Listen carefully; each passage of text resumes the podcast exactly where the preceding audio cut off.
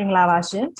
Public Voice PPTV ရဲ့အဝေးရောက်ရင်တွင်စကားသံအစီအစဉ်ကနေကြိုဆိုပါရစေဒီအစီအစဉ်လေးကတော့အကြောင်းမျိုးမျိုးကြောင့်အမိမြေနဲ့ဝေးကွာတဲ့အရက်မှာနေနေကြရပေမဲ့အရေးကိစ္စကြုံတဲ့အခါမှာရင်တွေကဘလို့မှမခံစားနိုင်ကြတော့ပဲအမိမြေအတွက်တက်ဆွမ်းတလောက်အောက်ထက်ကူညီပေးနေကြတဲ့အဝေးရောက်နေတဲ့မြန်မာနိုင်ငံသူနိုင်ငံသားတွေရဲ့ရင်တွင်စကားသံတွေကိုကြားရမယ့်အစီအစဉ်လေးပဲဖြစ်ပါတယ် လူချင်းဝင်းနေကြပြီမဲ့ကျမတို့ရဲ့နှလုံးသားတွေနှီးစက်နေကြတယ်ဆိုတာကိုဒီຫນွေဥတော်လှန်ရေးတိုက်ပွဲတွေကပိုပြီးတေချာစေခဲ့ပါတယ်။ပြည်ရင်းကနေအသက်တွေဘဝတွေစွန့်ပြီးစွန့်စားတိုက်ပွဲဝင်နေကြသူတွေရဲ့အင်အားဟာတော်လှန်ရေးရဲ့အဓိကပင်မသွေးကြောဆိုရင်ဒီပရောက်မြန်မာတွေရဲ့ပံ့ပိုးမှုအင်အားကလည်းမရှိမဖြစ်တဲ့သွေးကြောမြင်တွေဖြစ်နေမှာပါ။ဒါကြောင့်ຫນွေဥတော်လှန်ရေးတိုက်ပွဲကိုတတ်နိုင်တဲ့အားနဲ့ဝင်နှွှဲနေကြတဲ့ ကမ္ဘာအရေးရက်ကမြန်မာနိုင်ငံသူနိုင်ငံသားတွေနဲ့ချိတ်ဆက်ပြီးသူတို့ရဲ့အတန်တွေကိုမျှဝေပေးကြပါတယ်။ဒီတစ်ပတ်ကျွန်မဖိတ်ခေါ်ထားတဲ့သူတွေကတော့နော်ဝေနိုင်ငံကကို Robert Sotu အောင်နဲ့ UK နိုင်ငံကကိုမမအောင်တို့ပဲဖြစ်ပါတယ်။ကို Robert Sotu အောင်မင်္ဂလာပါရှင်မင်္ဂလာပါညီမလေး။ကိုမမအောင်မင်္ဂလာပါရှင်မင်္ဂလာပါညီမကြီး။ဟုတ်ကဲ့ပါ။ဒီပြပရောက်မြန်မာနိုင်ငံသားတယောက်အနေနဲ့ပေါ့နော်။ຫນွေဦးတော်လှန်ရေးတိုက်ပွဲမှာ ဘလို့အခန်းကဏ္ဍကနေပါဝင်လှုပ်ရှားဆောင်ရွက်နေတယ်ဆိုတာလေးမိတ်ဆက်ပေးပါအောင်ရှင်။ဟုတ်ကဲ့အားလုံးပဲမင်္ဂလာပါအဲကျွန်တော်နာမည် Robert Software ဖြစ်ပါတယ်နော်ဝေးမှာနေပါတယ်အဲကျွန်တော်ကဒီနော်ဝေးနိုင်ငံ CRPH Sporting Group ရဲ့အလုပ်အဖွဲ့ဝင်နော်အတွင်းမှုအဖွဲ့ဝင်တယောက်လည်းဖြစ်ပါတယ်နောက်ကျွန်တော်ကဒီအဲ Internet NLD International Network ရဲ့ဗဏ္ဍာရေးကော်မတီကတာဝန်ခံတယောက်လည်းဖြစ်ပါတယ်အဲပြီးတော့ အဲကျွန်တော်က NUG အစိုးရနဲ့အစိုးရပေါ့နော်ပညာရေးရဲ့ပညာရေးကျန်းမာရေးတန်ဇဒဝင်ကြီးဌာနနှစ်ခုကနေပြီးတော့အဲကျွန်တော်ကိုဒီသူတို့ရဲ့ fundraising partner အဖြစ်ကျွန်တော်ကိုတရားဝင်ခန့်အပ်ထားတဲ့သူကြောင့်လည်းဖြစ်ပါတယ်ခင်ဗျအဲကျွန်တော်အများဆုံးကတော့ကျွန်တော်ကဒီ fundraising ရှာပြရတဲ့ကဏ္ဍမှာကျွန်တော်လုပ်လုပ်ပါတယ်ဟုတ်ကဲ့အားလုံးမင်္ဂလာပါခင်ဗျာကျွန်တော်ကတော့မောင်မောင်အောင်ပါ ကျွန်တော်လက်ရှိတော့ UK နိုင်ငံ Leeds မြို့မှာနေပါတယ်ကျွန်တော်ဟာ1990ပြည်သူ့လွှတ်တော်ရွေးကောက်ပွဲမှာအဲကျွန်တော်ပါတီ Democratic ဘွဲရနဲ့ចောင်းသားဟောင်းများအဖွဲ့ပေါ့နော် Gosta လို့အများခေါ်တဲ့ပါတီကနေ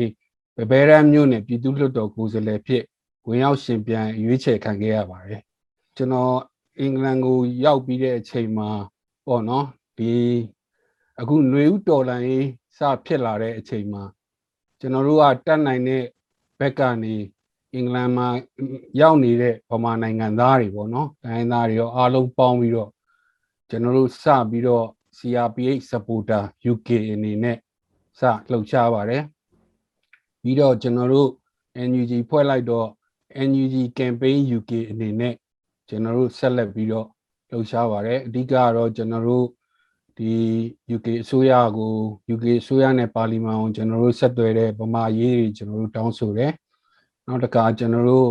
အဲလိုအပ်တဲ့ fundraising တွေလုပ်ကြတယ်ပေါ့နော်အဲနောက်တစ်ခါကျွန်တော်တို့ဆန္ဒပြပွဲတွေလုပ်တယ် campaign တွေလုပ်တယ်ပေါ့နော်အဲအဲ့ဓာတွေနဲ့ပဲကျွန်တော်တို့ပြည်တွင်းကလူယူတော်လန်ရေးကိုပြပကနေကျွန်တော်တို့တတ်နိုင်တဲ့ဘက်ကဝိုင်းဝန်း support လုပ်နေပါတယ်ခင်ဗျာ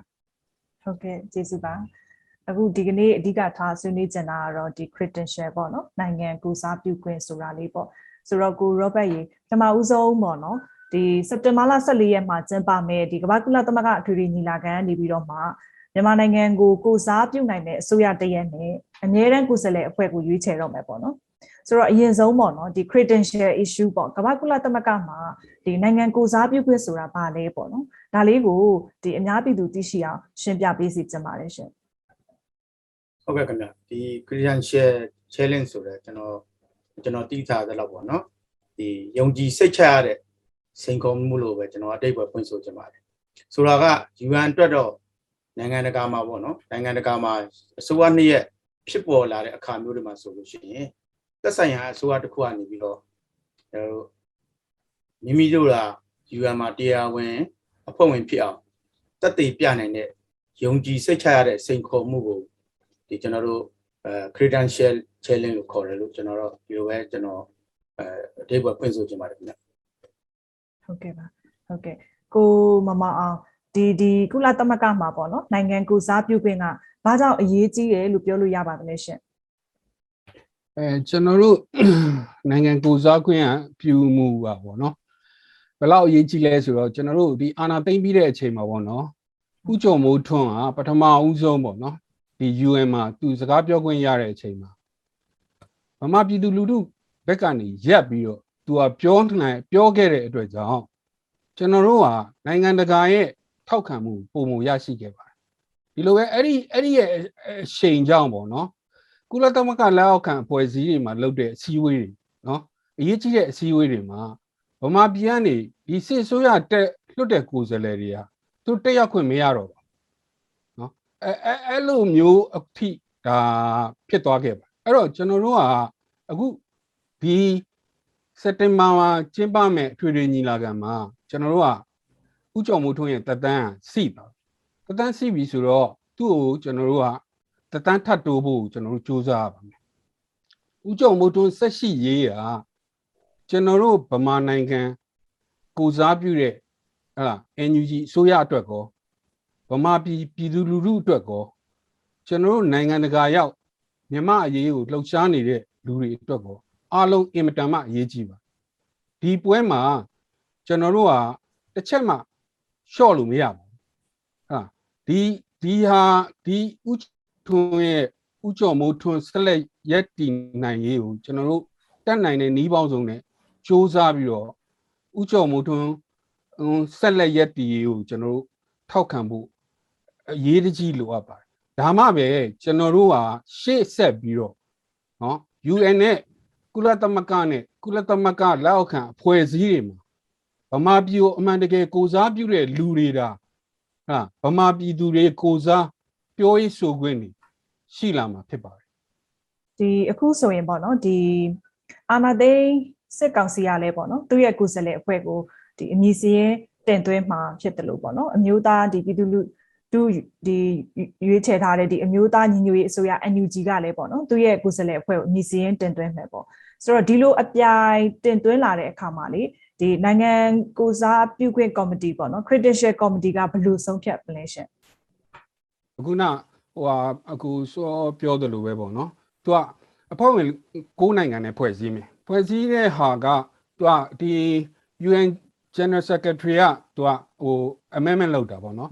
ဟိုသူတို့ကကြိုလဲမပြောဘူးဘယ်နိုင်ငံတွေပါမလဲဆိုတော့မပြောဒါပေမဲ့ကျွန်တော်တို့ဟိုဒါကျွန်တော်လေးလာတာတော့မဟုတ်ပါဘူးပေါ့နော်လေးလာထားတဲ့ပညာရှင်တွေရဲ့ဟိုစာတမ်းတွေရပေါ့နော်သူတို့ကဘာပြောလဲဆိုတော့ဒီဒီကော်မတီမှာတဲ့ American တရုတ်နဲ့ရုရှားကကျင်းသေးပေါက်အမြဲလိုလိုပါတယ်ပေါ့နော်။ကျန်တဲ့နိုင်ငံတွေကတော့နိုင်ငံအသေးလေးတွေဖြစ်နိုင်တယ်တဲ့။ဆိုတော့အဲ့ဒီကော်မတီမှာခုနလိုပေါ့ဗျာ တင်သွင်းလာတဲ့အငင်းပွားဝယ်ရှိတဲ့ဟာတွေကိုသူတို့ဒီစီမီစစ်ကန်အနေနဲ့ကြည့်ပြီးတော့သူတို့ဆုံးဖြတ်တယ်။အဲဆုံးဖြတ်တဲ့နေရာမှာပေါ့နော်ဒီဟာဖြစ်နိုင်ကြဒါလေးမျိုးဖြစ်နိုင်တယ်။အခြေအနေဒီနှစ်ဖက်တင်လိုက်တဲ့အပေါ်မှာဖြစ်ဆုံးဖြတ်ဖို့ဖြစ်နိုင်ကြလေးမျိုးရှိတယ်လို့သူတို့ပညာရှင်တွေကပြောတယ်။ပထမတစ်ချက်ကတော့ပထမနံပါတ်1ကတော့ NUG အစိုးရကတင်သွင်းတဲ့ကိုယ်စားလှယ်ကိုလက်ခံလိုက်တာဒါကတော့ကျွန်တော်သိလိုချင်တဲ့ဟာပေါ့အဲဒါပေမဲ့ အဲအဲ့ဒါဖြစ်နိုင်လို့ဒုတိယတစ်ချက်ကကျွန်တော်တို့မလိုချင်တဲ့ဒီစစ်တပ်ကတင်သွင်းလိုက်တဲ့ကိုယ်စားလှယ်ကိုလက်ခံလိုက်တဲ့အခြေအနေဒါကတော့ကျွန်တော်တို့မလိုချင်ဘူးကျွန်တော်တို့မလိုချင်တယ်လို့ပညာရှင်အများစုရဲ့သုံးသပ်ချက်မှာလဲဒီဟာဖြစ်နိုင်ခြင်းအင်မတန်မှနည်းတယ်ဒါပေမဲ့လုံးဝမဖြစ်နိုင်ဘူးလို့တော့ပြောလို့မရဘူးပေါ့နော်ဖြစ်နိုင်ခြင်းအင်မတန်မှနည်းတယ်နောက်တတိယအချက်တတိယအခြေအနေကဘာဖြစ်နိုင်လဲဆိုတော့ဗမာပြည်အတွက်ဆုံးဖြတ်ချက်ကိုရက်ဆိုင်ထားပြီးတော့ခိတ္တဆိုင်းငံ့ထားပြီးတော့ ဥကြုံမိုးထွန်းကိုဒီတိုင်းပဲဆက်လက်ရာထူးရှိနေအောင်ဟုတ်တော့ဆက်သွားမယ်အဲအဲ့ဒီဖြစ်နိုင်ကြရတော့တော်တော်များတယ်ရာဂိုင်နှုန်းတော်တော်များတယ်ပေါ့နော်နောက်တစ်ခုဖြစ်နိုင်ကြရလဲရှိသေးတယ်အဲ့ဒီဟာလဲရာဂိုင်နှုန်းနဲ့များတယ်ဖြစ်နိုင်ကြတယ်အဲ့ဒါဘာလဲဆိုတော့ဗမာပြည်အတွက်ဆုံးဖြတ်ချက်ကိုရက်ဆိုင်မယ်ပြီးတော့ဗမာပြည်ကိုယ်စားလှယ်နေရာကိုလည်းကုလသမဂ္ဂ ကလကုလသမဂ္ဂမှာခဏရက်ဆိုင်ထားမယ်အဲ့တော့ဆိုလိုချင်တာဥကြုံမိုးထွန်းလည်းမရှိတော့ဗမာကိုယ်စားလှယ်ကိုစားပြုကိုယ်စားလှယ်မရှိတော့အဲ့ဒီအခြေအနေပဲဖြစ်နေအဲ့တော့နောက်ဆုံးအခြေအနေနှစ်ခုကတော့ဖြစ်နိုင်ကြီးအများဆုံးပေါ့နော်ဒါပေမဲ့အဲ့ဒီအများဆုံးတဲမှာကျွန်တော်တို့အမျော်လင့်ဆုံးနဲ့ကျွန်တော်တို့အဖြစ်ချင်ဆုံးကတော့ဆုံးဖြတ်ချက်မချရင်တောင်ဥကြုံမိုးထွန်းအောင်ဒီတိုင်းဆက်ထားတဲ့အခြေအနေပေါ့နော်အဲအဲ့ဒါတွေကိုတော့အဲဒါကတော့ ဒီကော်မတီကနေဖြစ်လာနိုင်တဲ့အခြေအနေပေါ့နောက်တစ်ခုထပ်ပြီးတော့ပြင်နိုင်တာကတော့ကော်မတီကဆုံးဖြတ်ချက်တစ်ခုခုချလိုက်တယ်အဲ့ဒါကိုအဖွဲ့ဝင်နိုင်ငံတစ်ခုခုကကန့်ကွက်တယ်ဆိုရင် General Assembly မှာဒီဟာကိုအများမဲဆန္ဒနဲ့ခွဲမဲခွဲပြီးတော့အတီးပြန်ပြူอ่ะအဲဒီလိုအခြေအနေထိတော့ရှိပါတယ်ခင်ဗျာဟုတ်ကဲ့ပါကို Robert ရေအခုပေါ့နော်ဒီအစိုးရ တရက်အဖြစ်ပေါ့နော်အတိမတ်ပြုခံရဖို့ဆိုလို့ရှိရင်လေဘယ်လိုအခြေခံအချက်လေးတွေလိုအပ်မလဲရှင်ဟုတ်ကဲ့ဒီ UN မှာပေါ့နော် UN မှာကျွန်တော်တို့အစိုးရတည်းရဲ့အတိမတ်ပြုဖို့ဆိုလို့ရှိရင်အာဆိုတဲ့အဲမေကွန်းကမျိုးသားညီညွတ်ရေးအစိုးရပေါ့နော်ဟုတ်ကဲ့ IUG အတွက်ကျွန်တော်တို့အရန်ရေးကြည့်ပါတယ်ဘာလို့ရေးကြည့်လဲဆို UN မှာအစိုးရတည်းရဲ့အဖြစ်အတိမတ်ပြုဖို့ဆိုလို့ရှိရင်ကျွန်တော်တို့အတိမတ်ပြုခံရမယ်အစိုးရတည်းဟာ ကျွန်တော်ပထမနယ်မြေပိုင်ဆိုင်မှုတွေရှိရပါမယ်နောက်တစ်ခုကကျွန်တော်တို့ပြည်သူတွေကပေးအပ်ထားတဲ့နိုင်ငံတော်အာဏာဖြစ်တဲ့ဒီအချုပ်အခြာအာဏာတွေအုပ်ချုပ်ရေးတရားစီရင်စတာတွေလည်းဒါတွေလည်းရှိဖို့လိုအပ်ပါတယ်အခုလက်ရှိအခြေအနေမှာဆိုလို့ရှိရင်ကျွန်တော်တို့ပြန်ကြည့်မယ်ဆိုရင်မြန်မာနိုင်ငံအခြေမှာစကားစအနေနဲ့နော်ဥပဒေပြုရေးအုပ်ချုပ်ရေးဒီတရားစီရင်ရေးတွေကိုသူကောင်းကောင်းကင်တွယ်နိုင်ခြင်းမရှိတာကိုကျွန်တော်တို့တွေ့နေရတယ်အဲဒီလိုပဲကျွန်တော်တို့ NG အနေနဲ့ကလည်းအခုလက်ရှိအခြေအနေပေါ်မှာနယ်မြေပိုင်ဆိုင်မှုမရှိသေးတာကိုလည်းကျွန်တော်တို့တွေ့ရပါတယ်ဒါတွေကိုကြည့်ကြအဖြစ်ကျွန်တော်တို့ဒီ NG အစိုးရအနေနဲ့ဒီစက်တင်ဘာလမှာ14ရက်မတိုင်မီလေးမှာဒီအတက်ပါဖော်ပြတဲ့ဟာတွေပြည့်စုံအောင်လုပ်နိုင်နိုင်မယ်လို့ကျွန်တော်တို့ယုံကြည်ပါတယ်ခင်ဗျဒါလေးတွေတော့လိုအပ်ပါတယ်ပေါ့နော်စိုးရတရက်နေရနေပြီးတော့ဒီစိုးရတရက်ဖြစ်ဖို့အတိမတ်ဖြစ်ဖို့အဓိကဒါလေးတွေလိုအပ်တယ်လို့ကျွန်တော်မြင်ပါတယ်ခင်ဗျ အခုအခုပါပေါ့နော်ဒီအမျိုးသားညီညွတ်ရေးအစိုးရ NUG ကိုပေါ့နော်အာတရားဝင်အစိုးရဖြစ်အတိမတ်ပြုပေးဖို့နောက်ပြီးတော့ဒီကုလသမဂ္ဂဆိုင်ရာမြန်မာအမြဲတမ်းကိုယ်စားလှယ်ဦးကျော်မိုးထွန်းကိုဆက်လက်ခံထားဖို့ဆိုပြီးတော့ကမ္ဘာတစ်လွှားမှာမြန်မာတွေနဲ့အတူပေါ့နော်အခုဆိုရင်ဒီအရှိတီမောသမရဟောင်းပေါ့နော်နိုဘယ်ဆုရှင်တွေကလည်း online မှာလက်မှတ်ရေးထိုးပြီးတောင်းဆိုနေကြတယ်ပေါ့နော်ဆိုတော့ဒီအလက်မှတ်ထိုးလှုပ်ရှားမှုတွေကလည်းနိုင်ငံအလိုက်ပါဝင်တာကိုတွေ့ရတယ်ပေါ့နော်ဆိုတော့ဒီအကြောင်းလေးလည်းရှင်းပြပေးပါအောင်ရှင်ဒီပရောက်မြန်မာ scholar တွေပေါ့နော်သူတို့ စုပေါင်းပြီးတော့သူတို့ကဦးစီးစုပေါင်းပြီးတော့ဟိုဟာလောက်တာပေါ့ဒါပေမဲ့သူတို့ကနိုင်ငံတကာမှာရှိတဲ့ကျွန်တော်တို့အဖွဲ့အစည်းတွေဒီ NUG supporter CFA supporter တွေကိုလည်းသူတို့ဆက်တွေ့တယ်ဆက်တွေ့ပြီးတော့ကျွန်တော်သူတို့ကတော့ program ပေါ့နော်ဒီ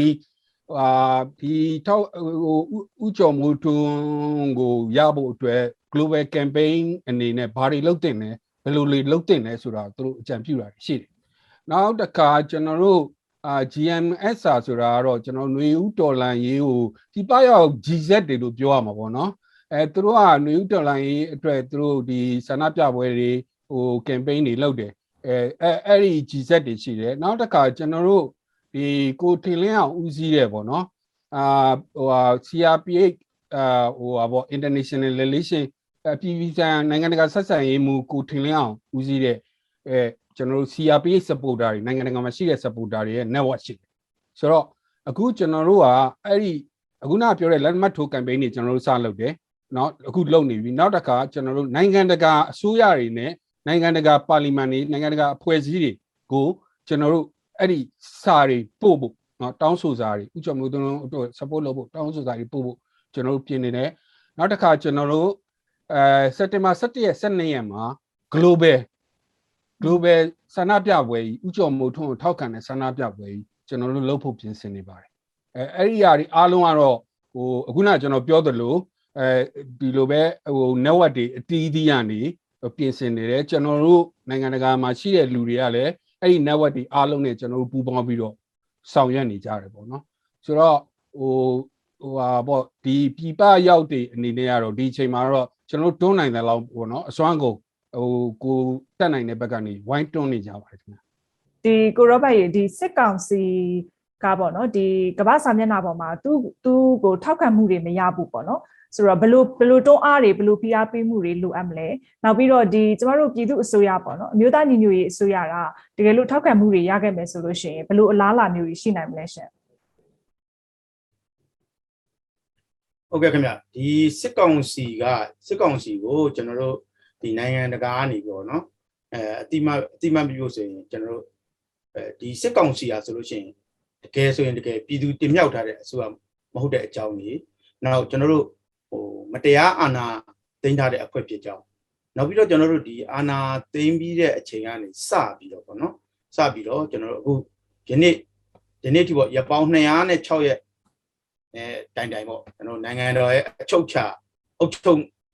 အုပ်ချုပ်တဲ့ဒီပါဝါသူတို့မှမရှိသေးတဲ့အကြောင်း။နောက်ကျွန်တော်စီးပွားရေးတွေပညာရေးတွေကျန်းမာရေးနိုင်ငံတိုးတက်ရေးစတဲ့ကဏ္ဍအသီးသီးတွေကိုလည်းကဏ္ဍအသီးသီးမှာဆိုလဲအဲသူတို့ဒီစစ်အာဏာသိမ်းပြီးတဲ့ဆန်ရအရန်ဆုတ်ယုတ်သွားတာဆိုတဲ့အကြောင်းလုပ်ငန်းတွေလည်းဒီဘယ်လုံးမှသူတို့ဆက်ပြီးတော့ဗောနော်လဲပတ်နိုင်စွမ်းမရှိဘူးဒီစကားဆရဲ့စကားဆမှာကျွန်တော်တို့ဘာဖြစ်လာလဲဆိုစီဒီအမ်လုပ်နေတဲ့စကားဆဒီဟိုအာဏာယူလိုက်တဲ့အချိန်ကစပြီးကျွန်တော်တို့စီဒီအမ်လုပ်နေတဲ့နိုင်ငံဝန်ထမ်း ကောင်းနေပေါ့နော်နိုင်ငံဝန်ထမ်းတွေအားလုံးအလုံးလောက်မရှိတော့တဲ့အခါမှာအခက်အားမျိုးမှလည်းသူတို့မှဒီအခက်အခဲတွေဟိုဖြစ်လာနိုင်တဲ့အကြောင်းပေါ့နော်နောက်တစ်ခုကကျွန်တော်တို့ဒီဘဏ်လုပ်ငန်းတွေပေါ့ငွေကြေးဈေးကွက်တွေပျက်စီးသွားတဲ့အကြောင်းနော်အခုချိန်ထိကျွန်တော်တို့ဒီစစ်ကောင်စီအာဏာသိမ်းတဲ့အချိန်ကနေစပြီးတော့ကျွန်တော်9လဒါဆို9လပေါ့နော်9လတိုင်အောင်ဒီဒီမှာရှိတဲ့ကမ္ဘာဘယ်နိုင်ငံမှ အတိမတ်ပြုထားခြင်းမရှိကြောင်းလေရဲ့နော်ကုလသမဂ္ဂလူ့ခွင့်ရေးဆိုင်ရာအဖွဲ့များကိုလည်းစကားစကျူးလွန်ထားတဲ့ပြစ်မှုတွေအတွက်ကန့်ကွက်နေကြောင်းအဲကျွန်တော်တို့နောက်ဒီစစ်အာဏာသိမ်းပြီးတဲ့အချိန်စပြီးတော့စစ်ကောင်စီကနေတပ်ဖြတ်လိုက်တဲ့လူပေါင်း2016ဦးနော်ဦးရေတည်ဆုံးခဲ့ပြီးတဲ့အကြောင်းနောက်ပြီးတော့ကျွန်တော်တို့9500နဲ့86ဦးကိုမတရားဖမ်းဆီးခံထားတဲ့အထိစစ်ရာဇဝမှုတွေကျူးလွန်နေတဲ့အကြောင်း နောက်ကျွန်တော်တို့အာဂျင်တီးနားနိုင်ငံတရားရုံးမှာဆိုရင်ရိုဟင်ဂျာဟိုများကိုလူမျိုးစုံတပ်ဖြတ်မှုအတွက်တရားစွဲဆိုထားခဲ့ပြီး ICJ နဲ့ ICC တို့မှာလည်းအဲကျွန်တော်တို့ဒီတရားစွဲဆိုထားခံရတယ်ဆိုတဲ့အကြောင်းတွေကိုနိုင်ငံတကာသိအောင်ရှင်းပြ lobby လုပ်ဖို့တော့လိုပါတယ်ခင်ဗျအဲနောက်ကျွန်တော်တို့ဒီဒါကတော့စစ်ကောင်စီကိုပေါ့နော်စစ်ကောင်စီကိုကျွန်တော်တို့နိုင်ငံတကာကဒီဟိုအတိမတ်မပြုတ်နိုင်ဘူးကျွန်တော်တို့ lobby လုပ်ကမဲ့ဟာပါ ING ကို အတိမတ်ပြုတ်လိုက်ရင်ဘယ်လိုအားသာချက်တွေကျွန်တော်တို့ရလာမလဲဆိုတော့ ING ကိုအတိမတ်ပြုတ်လိုက်လို့ရှိရင်ကျွန်တော်တို့ကမ္ဘာနိုင်ငံအသီးသီးကမိတ်ဆွေနိုင်ငံတွေကနေပြီးတော့စစ်ရေးစီးပွားရေးနိုင်ငံရေးပညာရေးဒီကျမ်းမာရေးအစပေါ့နော်ဒါခန္ဓာပေါင်းစုံကနေပူညီမှုတွေအများကြီးရနိုင်မှာဖြစ်တယ်တကယ်တကယ်လို့ပေါ့နော်ဒီပြည်တွင်းစစ်မှာအခုချိန်ဒီဒီဒီကျွန်တော်တို့ဟိုနေ့ဒီစားကစားနဲ့ဒီကျွန်တော်တို့စစ်ပွဲတွေမပြီးသေးခဲ့ရင်အလင်းအမြန်ပြီးသွားနိုင်ဖို့အတွက် ဒီစစ်ရေးရအကူအညီမှုတွေအများကြီးတဲ့ရနိုင်ပါတယ်နောက်တစ်ခုကဒီကျွန်တော်တို့စစ်ပွဲပြီးသွားခဲ့လို့ရှိရင်လည်းနိုင်ငံတိဆောက်ရေးအတွက်နိုင်ငံတကာမှာအကူအညီရနိုင်ပါတယ်နိုင်ငံတကာနဲ့ဆက်ဆံရေးမှာလည်းအထူးကောင်းမွန်သွားနိုင်လို့ကျွန်တော်မြင်ပါတယ်ဟိုဒါဒီအချက်တွေကိုလည်းသူတို့စစ်ကောင်စီကကြိုတွေးထားမှာဖြစ်တဲ့အတွက်ကျွန်တော်တို့ဘက်ကနေပြီးတော့အဲဒီဟိုကျွန်တော်တို့ရဲ့ပေါ့နော်ဒီဟိုနင်းကို NG အစိုးရကိုကျွန်တော်တို့အခုလာမဲ့ဒီ UN ရဲ့ညီလာခံမှာဥကြော်ထုံးမဥကြော်ကျော်မိုးထုံးလို့ဥကြော်မိုးထုံးကိုဟုတ်ကဲ့ဥကြော်မိုးထုံးကိုကျွန်တော်တို့ဟိုအတိမတ်ပြုနိုင်ဖို့ကျွန်တော်တို့ဟိုထောက်ခံအားပေးသွားဖို့အရန်အရေးကြီးပါတယ်အဲဒါမှလည်းကျွန်တော်တို့ဒီအစိုးရတရက်ပေါ်လာတဲ့အခါမှာကျွန်တော်တို့ရဲ့အစိုးရတရက်ပေါ်လာတဲ့အခါမှာပြည်သူတွေနှလုံးစိတ်ဝမ်းငြိမ်းချမ်းစွာနဲ့နေထိုင်ရမယ်လို့ကျွန်တော်တို့အဲ့လိုမြင်ပါတယ်ခင်ဗျဟုတ်ကဲ့ကျေးဇူးတင်ပါတယ်ဟုတ်ကဲ့ပါဟုတ် ဒါကတော့မကြခင်မှာကျင်းပတော့မဲ့ကမ္ဘာကုလသမဂ္ဂအထွေထွေညီလာခံကြီးကနေမြန်မာနိုင်ငံကိုကိုစားပြုမဲ့အစိုးရတရက်နဲ့အမြဲတမ်းကုစလဲအဖွဲ့ကိုကမ္ဘာနိုင်ငံတွေကရွေးချယ်ကြတော့မဲ့အကြောင်းမြင်းမြန်းတင်ဆက်ခဲ့တာပဲဖြစ်ပါတယ်ဒီကနေ့မှာဖြေကြားပေးခဲ့တဲ့ကိုမမအောင်နဲ့ကို Robert Sotu အောင်တို့ကိုလည်း PVTV ရဲ့ကိုစားကျေးဇူးထူးပဲတင်ရှိပါတယ်ရှင်ကျွန်တော်တို့ကလည်းကျေးဇူးတင်ပါတယ်ဟုတ်ကဲ့ကျွန်တော်တို့ကလည်းကျေးဇူးတင်ပါတယ်ခင်ဗျာရေတော်ဘုံအောင်ရမည်ရေတော်ဘုံအောင်ရမည်